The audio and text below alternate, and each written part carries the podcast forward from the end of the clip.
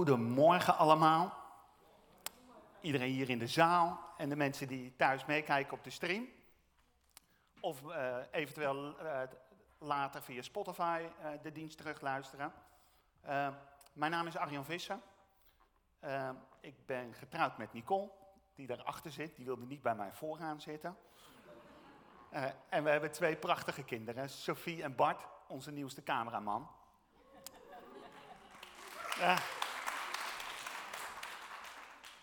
Um, op een normale zondag zit ik hier in de, in, in de kerk. Uh, of sta ik als een van de techniekleden uh, achter, de, achter de camera. Uh, juist daar in het camerateam was er vanmorgen, waren er allemaal grapjes dat ze mij volop in beeld zouden nemen. En iedere zweetdruppel die nu over mijn voorhoofd zou, zou komen, dat ze die in beeld zouden nemen. Dank je Erik.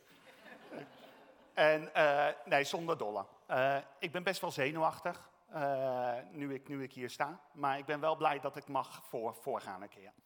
En een aantal maanden terug gaf Wilma aan dat er een paar gaten in het preekrooster zaten. En toen, en toen zei ze wel, hey, jij, jij spreekt toch wel eens voor je, voor je, voor je werk ook? Toen zei ik, ja, doe ik, doe ik wel. Nou, zou, zou je het niet leuk, leuk vinden om voor te gaan? Nou, na lang zwikken en zwegen is het nu zondag 1 oktober. Uh, mijn uh, geloof is tot uh, groei gekomen in de geformeerd vrijgemaakte uh, kerk. Een relatief traditionele kerk, maar al van kinds af aan hou ik, of in die kerk was het gebruikelijk dat er een duidelijke structuur in de dienst zat. en dat vind ik dus ook heel leuk dat als ik nu zelf mag preken, dat ik dat ook mag terug laten, laten komen. Dus we hebben drie punten. We gaan straks een we gaan een stuk Bijbeltekst gaan we lezen. Uh, daarna uh, doe ik daar een stuk uitleg over. Dan een stukje een persoonlijk verhaal. En als afronding een vraag die ik bij jullie wil neer, neerleggen. Uh, zullen we onze Bijbel openslaan? We gaan 1 Korinthe 12, vers 12 tot 31 gaan we lezen.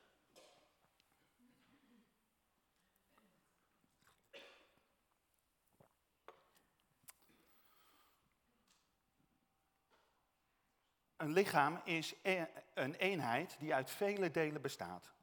Ondanks hun veelheid vormen al die delen samen één lichaam. Zo is het ook met het lichaam van Christus. Wij zijn alle gedoopt in één geest en zijn daarom één lichaam geworden. Of we nu Joden of Grieken zijn, slaven of vrije mensen, wij zijn alle van één geest doordrenkt. Tegelijk bestaat één lichaam niet uit één deel, maar uit vele. Als de voet zou uh, zeggen, ik ben geen hand, dus ik hoor uh, niet bij het lichaam, hoort hij er dan werkelijk niet bij? En als het oor zou zeggen, ik ben geen oog, dus ik hoor niet bij het lichaam, hoort hij er dan werkelijk niet bij? Als het hele lichaam oog zou zijn, waarmee zou het dan kunnen horen? Als het hele lichaam oor zou zijn, waarmee zou het uh, dan kunnen ruiken? Maar God heeft juist alle lichaamsdelen hun eigen plaats gegeven. Precies zoals hij dat ook wilde. Als, als ze met elkaar slechts één lichaamdeel zouden vormen, zou het dan een lichaam zijn? Het is juist zo dat, een groot aantal delen, dat het een groot aantal delen is en dat die met elkaar één lichaam vormen. Het oog kan niet tegen de hand zeggen, ik heb je niet nodig. En evenmin kan het hoofd tegen de voeten zeggen, ik heb jullie niet nodig. Integendeel, juist die delen van het lichaam die het zwak zijn, zijn het meest noodzakelijk. De delen van ons lichaam waarvoor, we ons schamen en die we liever bedekken, behandelen we zorgvuldiger en met eh, meer respect dan die waarvoor we ons niet schamen. Die hebben dat niet nodig. God heeft ons lichaam zo samengesteld dat de delen die het, eh, nodig hebben ook zorgvuldiger behandeld worden. Zodat het lichaam niet zijn samenhang verliest, maar alle delen elkaar met dezelfde zorg omringen. Wanneer één lichaamsdeel pijn lijdt, lijden alle anderen mee. Wanneer één lichaamsdeel met respect behandeld wordt, delen alle anderen in die vreugde. Wel nu, u bent het lichaam van Christus en ieder van u maakt daar deel van uit. God heeft in de gemeente allerlei mensen een plaats gegeven. Ten eerste aan de apostelen, ten tweede aan de profeten en ten derde aan leraren. En dan is er het vermogen om, wonderen te verrichten, de gave om te genezen en het vermogen om bijstand te verlenen. Leiding te geven of in klanktaal te spreken. Is iedereen soms een apostel of een profeet? Of is iedereen een leraar? Kan iedereen wonderen verrichten? Of kan iedereen genezen? Kan iedereen in klanktaal spreken en kan iedereen die uitleggen? Richt u op de hoogste gave. Maar eerst wijs ik u een weg die nog veel voortreffelijker is. En dan gaat de tekst verder waarin Paulus spreekt over de liefde. Tot zover.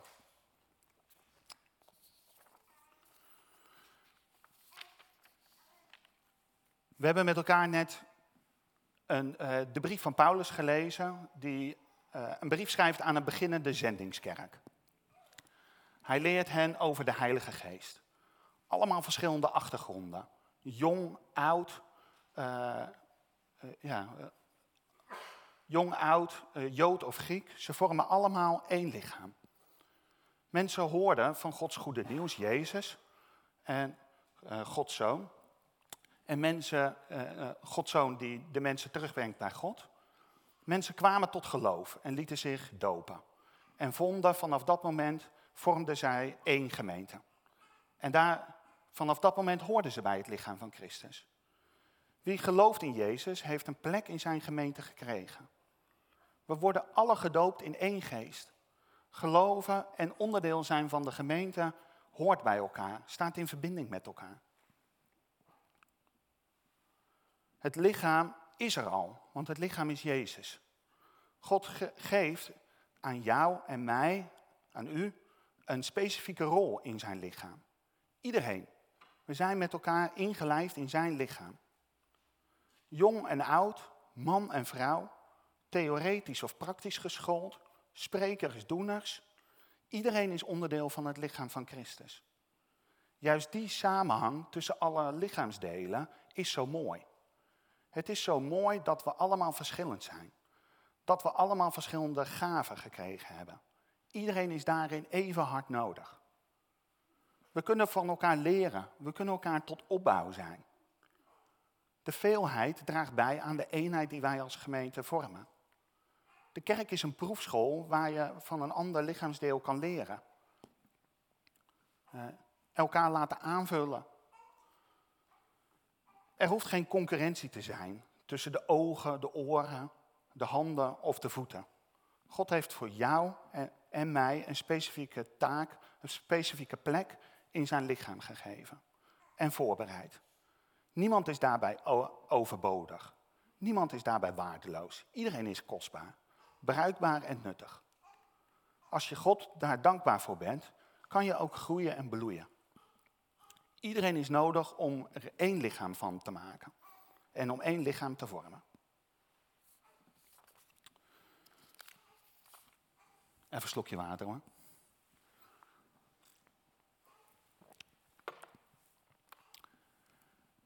Dat was punt 1. Ik wil jullie een uh, persoonlijk verhaal vertellen. En dat uh, doe ik naar aanleiding van uh, iets wat in mijn leven gebeurd is. En uh, ik leid dat in straks met een uh, mooie, mooie foto. Maar ik neem jullie terug naar het jaar 2015. 2015, mijn ouders die uh, vierden samen hun verjaardag. En zoals nou, dat wel gebeurt, zeg maar, deden we dat niet thuis, maar gingen we naar een externe locatie, het Van de Valk restaurant in Zuidoost-Beemster. Heel idyllisch restaurant. En ehm, daar vierden ze samen hun verjaardag. En uh, zouden we met allemaal vrienden en familie zouden we bij elkaar komen. Heel leuk. Uh, en daar is deze foto genomen. Ik pak hem er even bij. Jullie zien op de foto uh, mijn broertje, mijn vader en ik. En nou, deze foto is me heel dierbaar. en waarom is die dierbaar en waarom vertel ik dit in de dienst? twee weken voordat de verjaardag gevierd werd, kreeg mijn vader te horen dat hij ernstig ziek was. En zo ernstig ziek dat hij ook niet meer beter zou worden. En dat dat naar alle waarschijnlijkheid snel afgelopen zou zijn. En uh, zes weken na het feest is hij daadwerkelijk ook overleden. Dus plotseling wat een hele leuke feestdag zou zijn, kwam plotseling in een hele, ja, heel bijzonder punt te staan. Het was een hele lastige tijd, hele emotionele tijd. Um, en zo staat deze foto symbool voor veel meer als een uh, leuke, mooie foto van ons als gezin.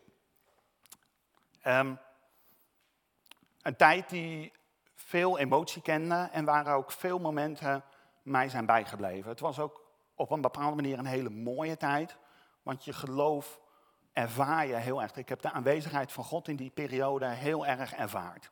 En uh, nou, dat was ook wel heel mooi op een bepaalde manier. Maar hoe ik de link nu wilde maken naar deze preek, was dat er in die tijd ook twee, twee momenten waren, of twee mensen die, nou, ook wel dat je, dat je denkt, hé, hey, dit, is, dit is toch fascinerend hoe God iedereen gebruikt. En uh, we waren samen lid van, de, van, van dezelfde, kerk. En uh, in, de, in de kerk uh, waar, waar we toen lid van waren, was er een verstandelijk beperkte jongen. En dan kon ik het altijd goed meevinden. En die uh, jongen die hoorde dat mijn vader ziek was. En die komt na de dienst komt hij naar, me, naar me toe rennen. En, en die zegt, hé uh, hey Arjan, is je, is je vader ziek? Ik zei, ja jongen, ach, dat is niet leuk hè, dat is niet leuk. En daarna zoep was die, was die weer, weer weg. Precies in diezelfde tijd was er een moeder van een vriend van, van mij. Die, ik kwam haar een keer tegen, volgens mij, toen ik in de, in de kerk kwam. En, nou, je voelt je heel bezwaard, je voelt je heel lastig. En die legt de hand op, me, op mijn schouder. En die, en die zegt, ik weet niet wat ik, wat ik moet, moet zeggen. En juist dat, dat was het enige wat ik in die tijd nodig, nodig had. Even een hand op de, op, op de schouder. Nou, zo twee willekeurige gemeenteleden die daar een rol in, in speelden in, in, in die tijd. En die God gebruikt heeft ook om mijn geloof te laten opbouwen. Vandaar dat ik deze foto en dit stukje is wilde noemen. Ik haal de foto even weg, zodat ik me een beetje kan concentreren. uh, komen we bij punt 3 aan.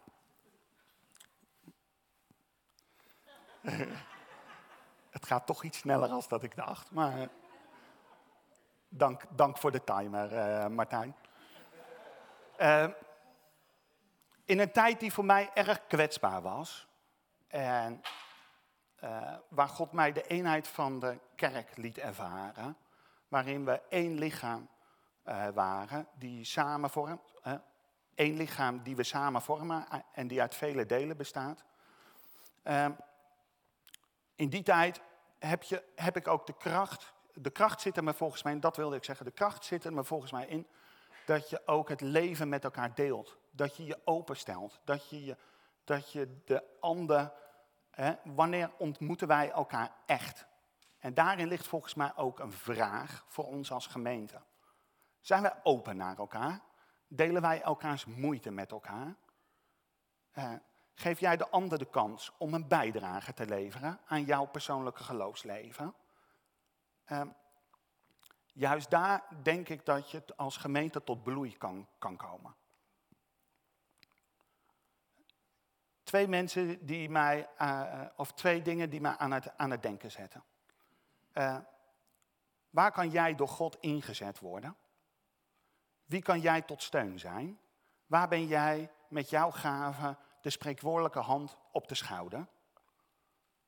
Die mij zo enorm hebben geholpen acht jaar geleden. Waar heb jij hulp nodig? Een andere vraag. En van een andere kant. Maak je dat bespreekbaar met elkaar in de in de, in de kerk? Weten gemeenteleden welke rol jij speelt in het lichaam van, van, van Christus? Ik denk, ik zou iedereen vanmorgen hier die vraag willen, willen stellen. En uh, eens kijken, zeg maar, misschien in, in, in de week die, die voor ons ligt. En als je deze preek de, uh, vandaag of morgen uh, laat bezinken, of je luistert hem terug of je kijkt hem terug via, via internet, pak deze week de telefoon eens op. En bel is iemand uit de kerk die je normaal gesproken niet spreekt. En die je, uh, ja, waar je normaal gesproken niet een enorm sterke band mee, mee hebt. En vraag deze broer of zus eens uh, of, uh, of je hun met iets kunt, kunt helpen. En juist daar, zeg maar, praat eens vijf minuten met, om, met, met elkaar. En eh, wie weet, groeit daar iets moois. En kan God dat gebruiken? Kan juist God die vijf minuten gebruiken om tot uh, opbouw van de, van de gemeente te zijn? Dus dat wilde ik jullie vragen.